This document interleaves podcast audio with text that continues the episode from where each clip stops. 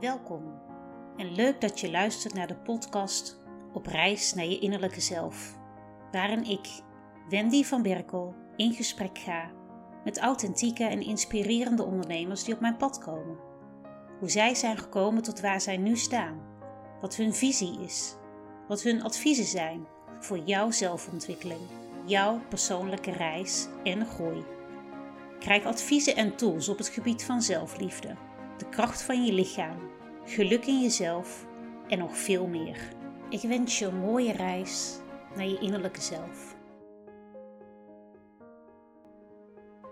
Het is Katja's levensmissie om iedereen die zij ontmoet minstens met 5% meer vreugde en geluk achter te laten dan voordat zij hen ontmoeten. Ze is blij als ze haar levensmissie ook in haar werk kan bereiken. Zij wil anderen een stukje vooruit helpen op hun weg naar meer balans, geluk en zekerheid. Ruim anderhalf jaar geleden heb ik haar ontmoet bij een netwerkbijeenkomst, beide als startende ondernemer. Ik voelde een bepaalde klik bij haar, puur door te zijn. Ik bewonder haar om de stappen die zij heeft genomen, de taal die zij beheerst en de persoon die zij is. Katja is opgegroeid in Rusland, verhuisd voor werk naar Estland en woont sinds 2019 in Nederland voor de liefde. En belangrijker, uit liefde voor zichzelf. Katja stimuleert high-level professionals en ondernemers die in de red race zitten, om meer verbinding aan te gaan met zichzelf. Op deze manier ervaren ze meer balans, zelfvertrouwen en plezier in hun leven. Katja zegt: Als er iemand weet hoe het is om te transformeren, ben ik het. Welkom Katja in deze aflevering. Hoi, dankjewel. Kan jij je nog herinneren toen jij jouw eerste transformatie doormaakte? Nou, ik denk het was heel, heel lang geleden toen ik nog klein was, als een klein meisje, nog in Rusland. En ik denk het was, als ik het me goed kan herinneren, het was verbonden nog ook met lichaam en beweging. Uh, ik ging toen dansen, echt ballet doen. En toen was het een, ook een hele andere wereld voor mij. Um, en dus ik moest ook als een klein meisje van vijf jaar oud, moest ik ook meteen volwassen worden. Een beetje serieus en op een andere manier dingen gaan bekijken. Um, ja, dus sinds ik klein was, ik blijf nog steeds in de transformatie. Ja, mooi. Jij geeft eigenlijk aan, je, je leven is een transformatie, mag dat mijn, zo? Ja, mijn leven is een hele lange en uh, soms ook best intense transformatie. Juist. Wat jij aangeeft op, op jonge leeftijd en ballet, ja, was je op jonge leeftijd al bewust van je, van je lichaam? Ja, in het begin natuurlijk niet, maar hoe meer ik dit deed, hoe meer bewust ik word. Zo, zoals altijd, hoe meer je dat doet, hoe, hoe beter je wordt in dingen. Juist. En wat maakte het dat jij je uh, daardoor snel volwassen ging voelen? Veel verantwoordelijkheid voor mezelf, maar ook voor mijn mede-dansers, meisjes. Uh, ik moest ook meteen optreden in een echte voorstelling. Dus het was echt zo super serieus voor een klein meisje. Ja, dat was al op hoog niveau, bedoel je dan? Ja. ja. Dus ik draai sinds ik vijf jaar oud was ook op hoog niveau. En daarna werkte ook in het bedrijfsleven. Was altijd alles super serieus. Toen, toen ik dacht, ja, wacht eens even. Ik, ik wil eigenlijk niet meer zo serieus zijn. Transformatie waar ik nu ook in zit, meer vanuit het bedrijfsleven, corporate en altijd super serieus zijn en 100 uur per week werken naar meer ondernemen, zachter zijn voor mezelf, maar ook voor anderen. Dus dat is meer zo'n transformatie waar ik nu mee bezig ben, maar bezig niet zo'n goed woord. Het is meer, het gebeurt vanzelf. Niet zo dat ik, dat ik echt heel veel moeite moet doen om iets te laten gebeuren of te pushen, te forceren. Uh, ik laat het gebeuren op een zachte manier. Heel mooi. En ik leer nog steeds. Hoe is het dan? Zacht voor mezelf zijn en zacht voor anderen. Juist. Jij kwam tot dat inzicht. Weet je zelf hoe jij tot dat inzicht bent gekomen om zachter voor jezelf te, te willen worden? Ja, helaas was het een gezondheidsprobleem. Hmm. Eh, toen ik naar Nederland verhuisde, binnen één jaar, ik voelde me echt super, super slecht. Ehm, ik kon bijna niks doen. En toen moest ik naar de huisarts van mijn man. Ik wilde niet, ik dacht, ik ga gewoon door, ik kan het wel. Ik ben gewoon een beetje moe met allemaal verhuizing. Nu land en nu taal en nu dingen. Ehm, dus ik wilde gewoon doorzetten zoals ik altijd was. En toen ging ik naar de huisarts en heb ik diagnose gekregen dat ik een auto-immuunziekte heb. Waardoor ik moest ook heel veel naar de dokter, heel veel bloed afgeven, heel veel pillen slikken. Was echt niet leuk. Uh, duurde ongeveer één jaar met allemaal pillen en verschillende dingen proberen. Je Ehm, kreeg medicijnen voor ja, jouw auto-immuunziekte. ja. En door de medicijnen, ik voelde me nog slechter. Dus ik, ik kreeg de klachten van de, van de ziekte zelf, maar ook allemaal bijwerkingen van de medicijnen. En toen dacht ik, wacht eens even, dat is eigenlijk niet hoe ik mijn leven wil leven. De, eh, de huisarts of de endocrinoloog zelfs, dat is dus een specialiste in, in schildklier, zei toen, we gaan jouw schildklier gewoon verwijderen. En dan is het opgelost. Oh nee, echt waar. Ja, en toen zei ik, nee, ik ben echt niet meer eens. Ik ga gewoon proberen op mijn eigen manier, met de kracht van mijn eigen lichaam, eh, dit probleem aan te pakken. En ik ga gewoon kijken. Dus laat me, laat jou. mij met rust. Ik wil Ja. niet dat er iets van mijn lichaam wordt gewoon uitgesneden en verwijderd, omdat het niet werkt zoals ik het zou willen op dit moment. En sindsdien, eh is al twee jaar, ik ben klachtenvrij en symptomenvrij met mijn schildklier nog steeds. Oh. Uh, gewoon door de kracht van mijn lichaam, door goed naar mezelf te luisteren, naar mijn lichaam te luisteren. Allemaal kleine en grote signalen soms. En het blijft, ja, auto-immuunziekte gaat nooit echt weg. Ja, het blijft altijd bij mij en in mij. Maar nu, als ik iets niet zo goed voor mezelf ben of niet eh, te veel push of te veel forceer of te veel wil, ik krijg altijd een signaal en nu nu denk ik pas kan ik echt goed luisteren. Dus nu als ik iets voel dat niet klopt, uh, ik ga gewoon stoppen, pauze nemen, rust nemen, goed voor mezelf zorgen. Dat is een soort van, ja, het is niet zo, het was echt niet fijn, echt niet leuk. Ik vind het een hele dappere Maar- beslissing ook. Dat jij ehm, niet alleen met je ratio luistert naar de artsen, maar dat Ja. je naar je lichaam inderdaad luistert.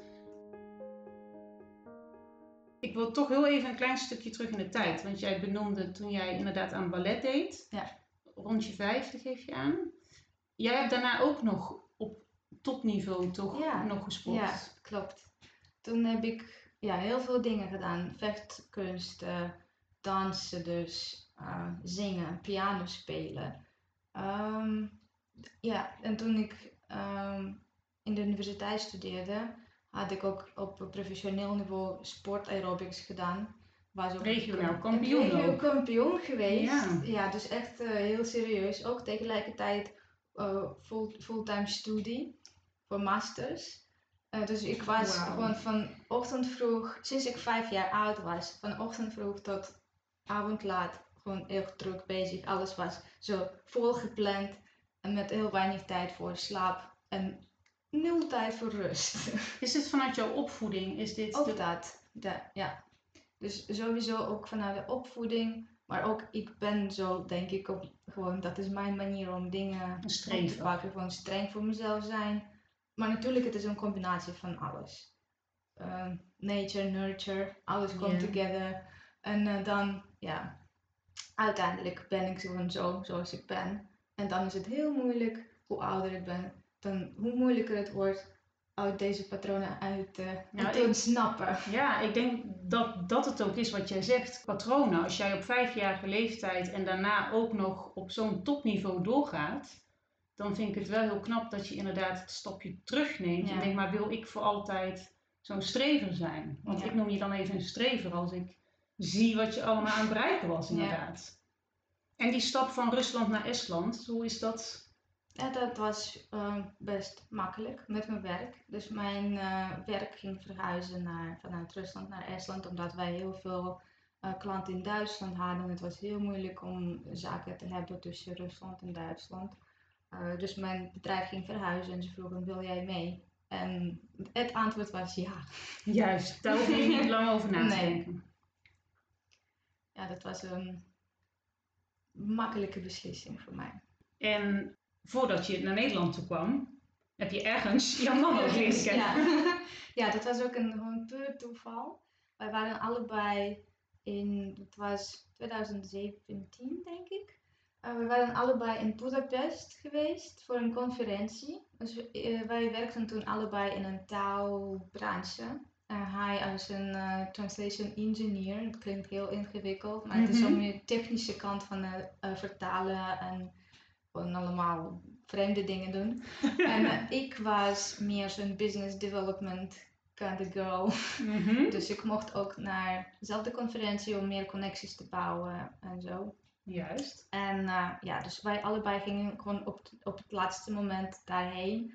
Ik kreeg een oké okay van mijn baas en hij kreeg een oké okay van zijn baas. Gewoon heel toevallig van oké, okay, wij hebben echt laatst, het laatste geld voor nu een beetje budget voor dingen. Dus alsjeblieft, jij mag uh, naar de conferentie. Ja, en dan uh, gewoon heel veel geappt, heel veel geskypt, heel veel gereisd. Nou, hadden jullie al contact voor die conferentie? Nee, nee, jullie hebben elkaar daar, daar echt leren ja, kennen, ja. juist. En toen heb je dus de stap genomen om naar het land te gaan waar hij vandaan komt. Ja.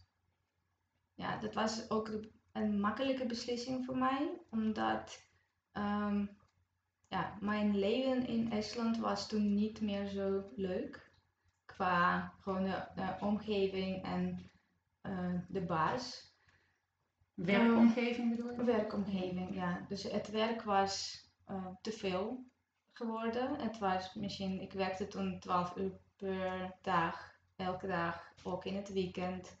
Was verantwoordelijk voor alles.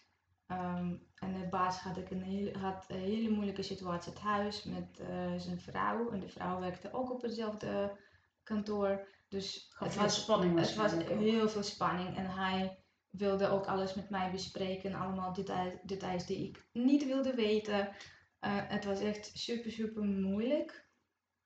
Ik verwerk het nog steeds. Ik werk ook zelf met een coach om dit allemaal Heeft heel veel los impact te laten. op is- dan ook? Ja, heel veel impact. En het was echt veel, veel serieuzer dan ik het nu wil en kan vertellen. En dus misschien ooit ga ik wel gewoon alles, gewoon open staan voor om alles te vertellen. Ook tegen mezelf vooral. Ehm, maar uiteindelijk, ik ben oké. Ik ben Ja, als ik heel eventjes Ja. voor mezelf, want ik ik hoor jouw verhaal inderdaad, ballet, daarna ook eh, top aerobics, sport. Ja. Een, baan waarin je veel verant ik Het stukje verantwoordelijkheid komt bij mij heel erg Ja, naar boven ook. Maar waarschijnlijk ook vanuit je omgeving, of het nou opvoeding of werkgever. Of... Mm. Het was allemaal, allemaal dingen bij elkaar. Want eh, toen ik 21 jaar oud was, ging mijn vader weg. En mijn moeder kon toen geen werk vinden, omdat zij werkte nooit. En toen, dus toen ik 21 jaar oud was, moest ik ook gaan werken voor mezelf, voor mijn moeder. En ik had een zusje van 16 jaar oud. Dus het was echt alles zo op één moment, op één dag zelfs, gebeurde iets waardoor ik meteen echt volwassen moest worden. Dus het was altijd bij mij een stukje, niet een stuk, een groot stuk verantwoordelijkheid altijd bij mij geweest. Maar hoe, ja, op 21ste denk ik, het was echt een hele snelle transformatie van een tiener eigenlijk. Juist. Op 21ste ben je nog een kind. Ja, het werd je eigenlijk direct in je schoenen Mhm. geschoven van dit is het leven wat jij nu eigenlijk Ja, gaat dragen, ja. terwijl je daar niet zelf voor kiest. Wat ik me dan, en misschien de luisteraar ook wel zich afvraagt, is de keuze om dan je familie achter te laten wanneer je naar Nederland gaat. Hmm. Hoe is dat voor jou? Mm, Ja, dat was moeilijk. Maar mijn moeder is nu oké. Mijn zus is ook oké. En ik heb niet zo'n grote familie. Mhm. Ja, dus ba- basically mijn moeder en mijn zusje, dat is hem. Eh, zijn allebei goed. Ze hebben werk, ze hebben de woning. Dus alles is goed geregeld qua gewoon. eh, dus ik heb niet meer zo'n verantwoordelijkheid, niet financieel. Mhm. En niet.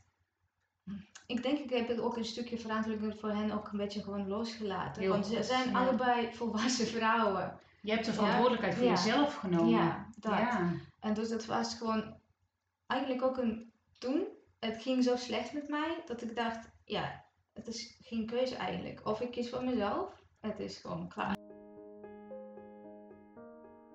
eigenlijk hoor ik hier dan ook het stukje inderdaad zelfliefde ook wel. Ja, ja, zeker. Dat is ook heel moeilijk en blijft moeilijk. En een ontspanning was iets wat ik altijd moeilijk vond. Mhm. Of, of soms niet kon soms. En daarom heb ik ook daarvan ook nu mijn werk gemaakt. Van de ontspanning en mensen leren ontspannen. En samen ontspannen, rust nemen. En gewoon kijken hoe jouw lichaam kan jou ondersteunen. Ja, jij bent een echte ervaringsdeskundige hierin. Ja, jij ja. weet hoe de andere kant Oh, ja. gaat. De red race ken je zelf. Red race, Dat- ziek zijn, ziek zijn en red race.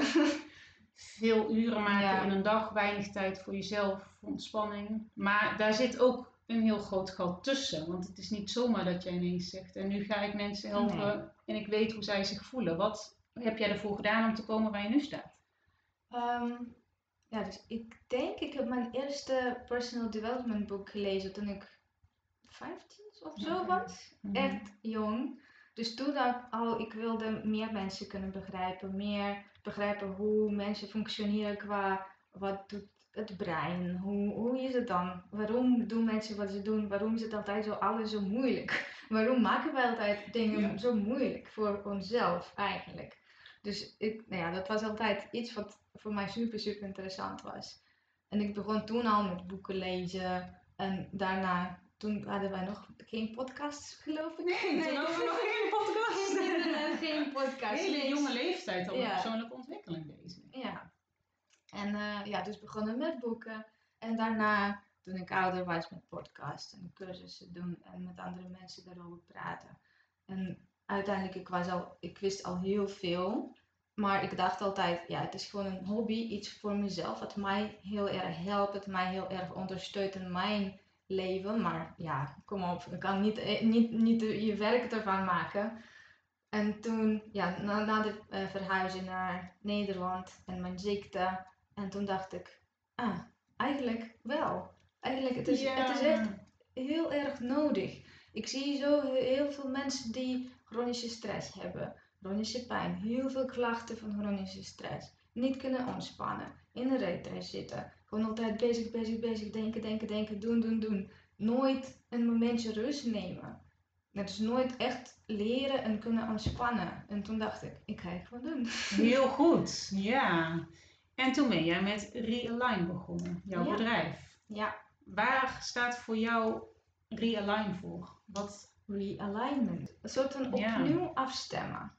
Eh, net denk aan een instrument. Je moet altijd een piano ook een beetje stemmen um, om hem goed te laten klinken. Dezelfde, ik geloof hetzelfde ook voor de mensen. Je moet altijd jezelf een beetje helpen met hier een stukje opnieuw afstemmen, hier een stukje een beetje beter maken, hier een stukje ontspannen. Of daar een stukje juist een beetje misschien ja, meer aanspanning, dus een goede spanning brengen, een goede stress. Ja, dus een beetje kijken waar mis je wat en wat heb je nodig.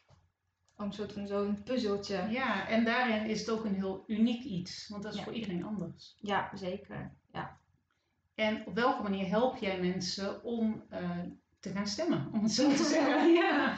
ja. Eh, dus kracht van je eigen lichaam. Ja, ik noem wat ik doe op dit moment een zenuwstelseltraining. En het is een combinatie ook van wetenschap, maar echt puur wetenschap en neurowetenschap en spiritualiteit en ervaring. Ehm, dus door de kracht van je eigen ademhaling, van de bepaalde bewegingen, van bepaalde ehm, dingen die je kan aanvoelen en aansturen in je lijf. Je kan ook nieuwe verbindingen aanmaken in je, tussen je hersenen en je lichaam. En andersom je lichaam en de hersenen. Dus body-mind, mind-body connection. En dan daardoor train je ook je, je zenuwstelsel op een beetje een andere manier te gaan werken. Waardoor je stress wordt ook op een andere manier waargenomen. Wat is jouw mening over stress, wat het met je lichaam doet? Er is goede stress en een slechte stress. Ja, goede stress is goed voor jou. En een goede stress kan zijn bijvoorbeeld je gaat kracht trainen. Of je gaat een presentatie geven en je bent helemaal excited en dit is goed voor jou. En als het niet lang duurt, ja, dus niet langdurig, niet chronisch is, dan het is heel, heel goed voor je lichaam en voor je hersenen. Ja, je moet wel een stimulatie krijgen, altijd en regelmatig. Ehm, als het niet gebeurt, dan blijf je soort in een flatlinen. Ja. En een slechte stress, als jij uh, in dezelfde patronen zit en jouw lichaam en jouw hersenen en jouw geest uh, zo met een diep reageren op bepaalde dingen die, die jij met je hoofd misschien snapt, ja, dat, maar dat is helemaal niet erg. Bijvoorbeeld uh, je inbox, in mails of je ja, appjes.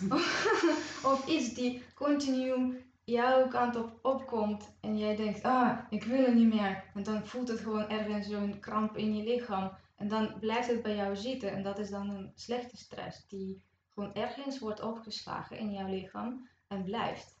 En dat, daar doe ik juist, ik help dat een beetje, eh, soms niet een beetje, heel veel los te laten, gewoon loskrijgen. En uh, goede stress er, helpen ervaren is dat je ook het verschil gaat voelen en uiteindelijk de balans van je zenuwstelsel gaat uh, herstellen. En dus het gaat vanzelf uiteindelijk dat jij het zenuwstelsel gaat jou ondersteunen met goede stress, slechte stress, verwerking van de stress. En uiteindelijk met de output meer, uh, ja, meer balans ervaren. Juist, en dat is dus zelfs voor mensen die echt een, een ziekte hebben, zoals jij zelf ook jouw auto-immuunziekte eigenlijk als voorbeeld neemt. Ja, chronische stress, chronische pijn, depressie. Oh ja, dat was ik ook trouwens. Ik was ook, uh, had ook een diagnose met depressie. Oh, dit heb je toen ook op dat moment? ja, je toen nee, dat, was, dat was ook in Nederland een beetje later. Toen ik bij Avans, de hogeschool, werkte. En ik, uh, ik, had, ik dacht, ik had een burn-out. Ja, dus was gebeurd op één dag. Ik kon opeens helemaal niks doen. Het was gewoon stop en flatlinen en ik kon alleen huilen. Um, en toen heb ik de diagnose van de bedrijfsarts, ja, depressie. En jij blijft depressief je hele leven. En je moet gewoon uh, ermee leren omgaan. Dat is hem, doei. en toen dacht ik, um, nee, dankjewel. Ik ben echt niet mee eens. En nee, ik, ik neem het niet aan. Ik accepteer het niet. Eigenlijk heb jij verschillende lessen in jouw leven om het signaal te krijgen van hé, hey, luister naar je lichaam. Yep. En wat doe je ermee? ja. Ja, dus dat was mijn laatste soort een stuk. En toen dacht ik, nee, nu begrijp ik het wel. nu ga ik echt, echt goed opletten en echt goed voor mezelf zorgen. Tijd nemen voor ontspannen. En het, het kan ook anders, want, want wij zitten heel vaak met dezelfde gedachtepatronen, denkpatronen. Wij denken altijd op een bepaalde manier over ons werk, over ons leven, privéleven, relaties met onze partners, kinderen is altijd een beetje op dezelfde manier, maar als je een stapje terug neemt en vraagt jezelf, klopt dat eigenlijk wat ik denk? Ja, klopt mijn eigen waarheid? Nee. Heel vaak is het ja, bijna nooit. Ik, ik zeg zelfs nooit. Nooit. Nee. ik vind het een mooi moment om in te haken op hoe jij kijkt naar je pure zelf. Want daar hmm. kom je niet door even te zitten en te denken, wie, wie ben ik nou eigenlijk? Nee. Hoe, hoe is jouw visie daarop? Hoe je human being, je, hoe kijk mm. jij daarnaar? Oh, zo diep. Ja. ja. um, ja, voor mij het is ervaring. Puur, puur voelen. Niet denken. Moeilijk. um, ja, wij zijn ook altijd gewend om te denken en alles gaat via je hoofd en dat is een filter. Dus juist ook leren ontspannen en je hoofd leren ontspannen en voelen. En alles wat je lichaam weet, voelen. Dat is je pure zelf, denk ik. Geloof ik. Geloof. En dat is ook ja, wat ik in mijn werk doe, om mensen te helpen echt te voelen. En ik had bijvoorbeeld zelfs iemand die echt heel precies kon aanvoelen waar de trauma in zit. En in welke uh, gedeelte van zijn lichaam en welke organen. En moest keihard gewoon huilen. Zo, ik voel het en nu weet ik het wat ik moet doen. Dus waar moet ik uitstrekken? Waarheen moet ik mijn adem richten? En dat is, dat is waarom ik mijn werk doe. dus als ik iemand kan zo'n stukje body breath awareness aanleren en helpen om echt terug te gaan naar zichzelf. En echt jezelf voelen en ervaren zoals je bent. En jezelf accepteren zoals je bent. Oh, dat maakt mij zo blij. Want we hebben het net gehad over het stukje ervaringsdeskundige. En op een jonge leeftijd ben je met persoonlijke ontwikkeling bezig geweest. Maar je hebt ook best wel wat opleidingen ook gedaan. Het is niet zomaar Ja, dat jij ja, nu staat waar je nu staat. Want die hebben we net even niet eh, Ah, ja. benoemd. Ehm, ja, dus ik heb ook achter mijn rug gewone yoga-opleidingen. Ja, gewone. Ehm, hele interessante yoga-opleidingen. En eh, neurowetenschap. En ik blijf nog steeds neurowetenschap studeren met een Amerikaans bedrijf, Z-Health. Ehm, het gaat daar meer om, eh, over neurologie en beweging. En dus hoe juist je, hersenen zijn, eh, staan in verbinding met je lichaam. En hoe kan je dat gebruiken? Ja, dus en daardoor ook met bepaalde kleine dingetjes. Soms is het misschien gewoon met je pols een beetje draaien en dan dat vindt jouw hersenen, eh, vinden jouw hersenen zo, zo super fijn en leuk. Dat opeens je krijgt je een boost voor jouw cognitieve functie. Dus dit soort dingetjes, zo kleine, zo fine-tunen en, en testen en kijken.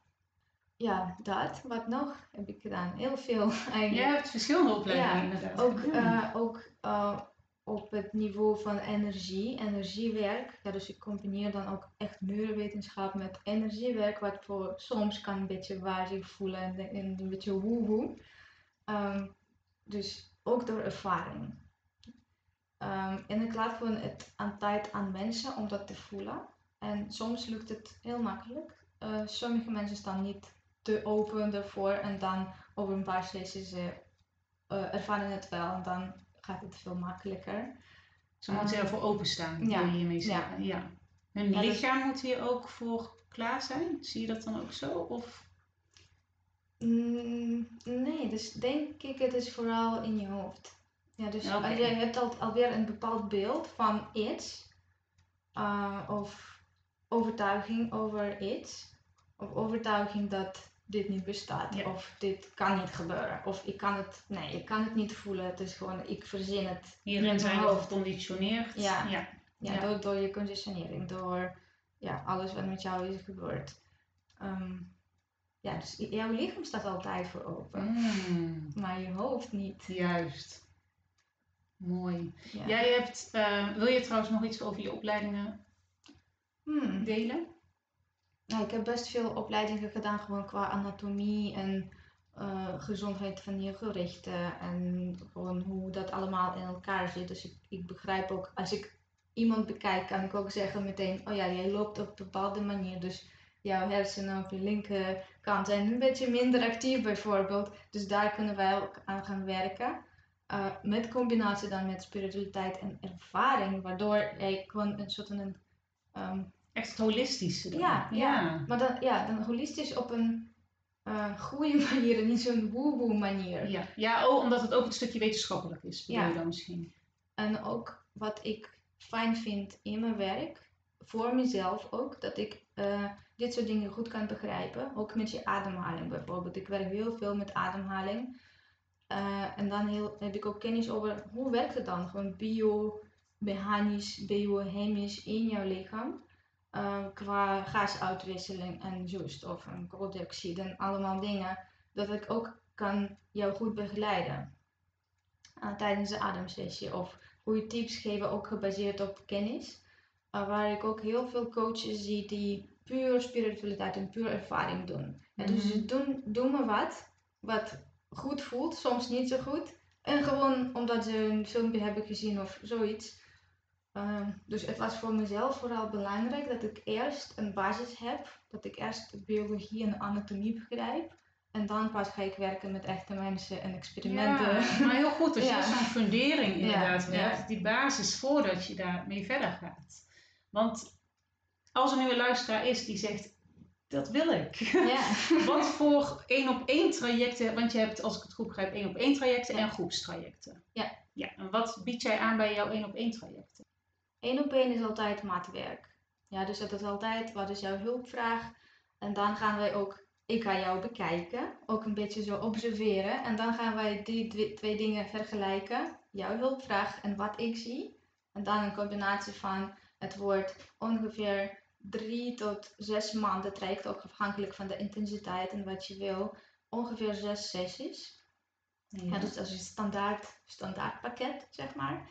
Uh, groepstraject klei- kan ook in kleine groepjes, misschien met je gezin of je partner of uh, ja, je vrienden. Dan hebben jullie misschien soort een gezamenlijk doel. Dat kan ook. En wat ik nog wil gaan lanceren is een soort van dagelijkse, eendagse, een soort van een retraite voor jouw zenuwstelsel reset. En dan ook nog misschien in de toekomst een langere retretes. Dus echt een, de tijd voor jezelf waar je je zenuwstelsel helemaal kan resetten. Gewoon jezelf opnieuw opladen. Um, opnieuw afstemmen, realignen. En Juist. met nieuwe kracht en nieuwe Heel energie mooi. terug. Ja. Heel mooi. Dankjewel.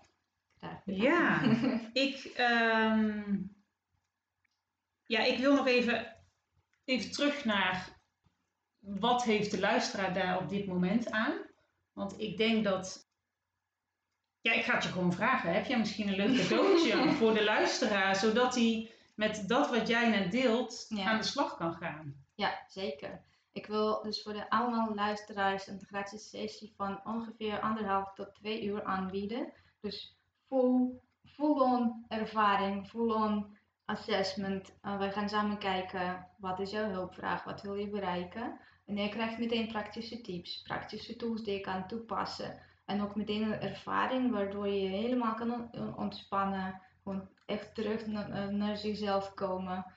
Um, ja, gewoon puur zelfliefde ervaren. Een heel mooi, heel mooi cadeau. In de auto gaan we meer over vertellen op welke manier mensen daar zich voor kunnen aanmelden. Ja. Maar ik vind het, uh, ik heb jou natuurlijk van tevoren gevraagd van denk na over je cadeau. Maar dit is uh, ja, het stukje zelfliefde gunnen inderdaad voor de, voor de luisteraar. Dus heel mooi. Ja, het is wel heel grappig, want in de eerste aflevering met een gast kwam het stukje zelfliefde hmm. ook naar voren. En het is mooi dat hij hier weer terugkomt. Ja. ja. Ik wil uh, jou nog een laatste vraag stellen. Ja. En volgens mij heb jij nog een leuke manier om, uh, of een fijne manier om af te ronden. Mijn laatste vraag aan jou is: als jij één advies mag geven aan jouw jongere zelf, wat zou dat dan hmm. zijn? Ik zou zeggen, het is niet zo belangrijk. Je maakt het zelf vaak heel groot. Je maakt het zelf vaak te ingewikkeld, te groot, te belangrijk. Uh, het is niet zo. Het is niet juist. Eigenlijk denk nog eens na over de waarheid die je zelf zegt. Ja, ja. ja, dat is een mooie om mee af te sluiten. En wat heb jij ons. Ja, want ik ga ook gewoon, uh, ik ga ook zitten. Want hoe wil jij gaan afronden? Ja, ik wil ook uh, nu al een kleine mini-mini van drie minuutjes of zo, een kleine ontspanningssessie uh, aanbieden. Kom goed zitten, comfortabel zitten. Op je stoel of kom staan. En dan voel je voeten op de grond. Voel je zitpotjes op je stoel. Vind een rechte, lange rug met ruimte in je nek en je schouders. En je rug met natuurlijke krommingen. Dat je je armen kan laten hangen, ontspannen. En je schouders kan ontspannen. En dan breng je aandacht naar je ademhaling. Verander nog niks aan je ademhaling. En gewoon voel wat gebeurt hoe voel je je ademhaling en waar voel je dat? Voel de lucht in je neus naar binnen komen. En dan wat warmere lucht die terugkomt uit je neus. Voel de lucht in je keel. En voel de natuurlijke bewegingen van je borstkas die vanzelf gebeuren met je ademhaling. Ontspan je buik. Laat je buik uitzetten en terugkomen. En laat je hele lichaam bewegen op de natuurlijke manier. Dan maak een slow motion inademing. En slow motion uit. Slow motion in een beetje meer lucht in. Dat je gaat voelen ook je ribben spreiden en je buik uitzetten. En slow motion uit. Slow motion in en voel lengte door je hele wervelkolom in je nek, in je hoofd en hoe je hoofd lichter wordt. Slow motion uit.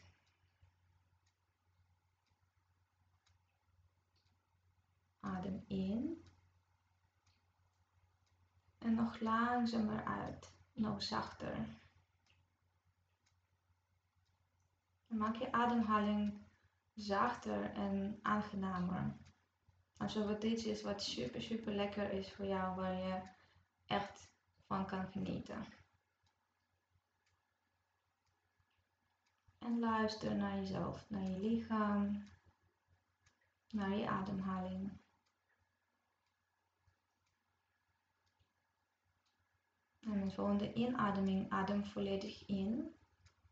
Volledig in je buik, in je borst, tot je sleutelbenen in en hou vast.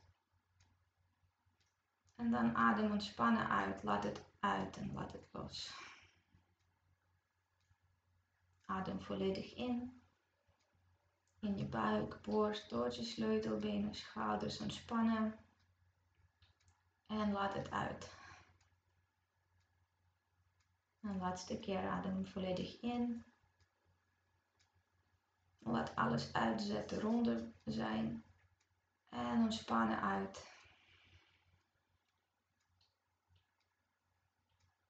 En dan neem zoveel tijd als je wil. Blijf hier. Blijf met jezelf en voor jezelf.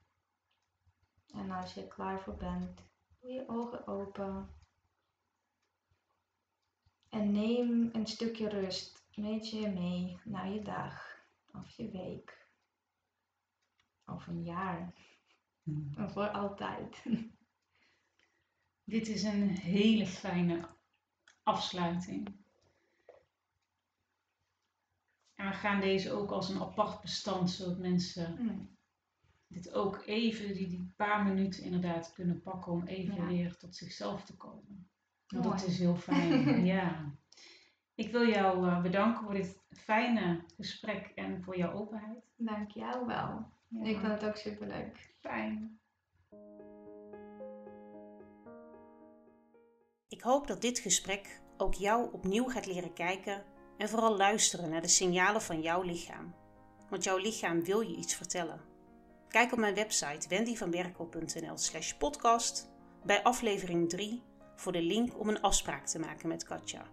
De vijf eerste mensen die zich met de naam van mijn podcast op reis naar je innerlijke zelf aanmelden, krijgen een gratis uitgebreide sessie waar je direct aan de slag gaat. En in de bonusaflevering kun je apart luisteren naar de korte ontspanningssessie. Geniet ervan. Dank je wel voor het luisteren van deze aflevering van de podcast Op reis naar je innerlijke zelf.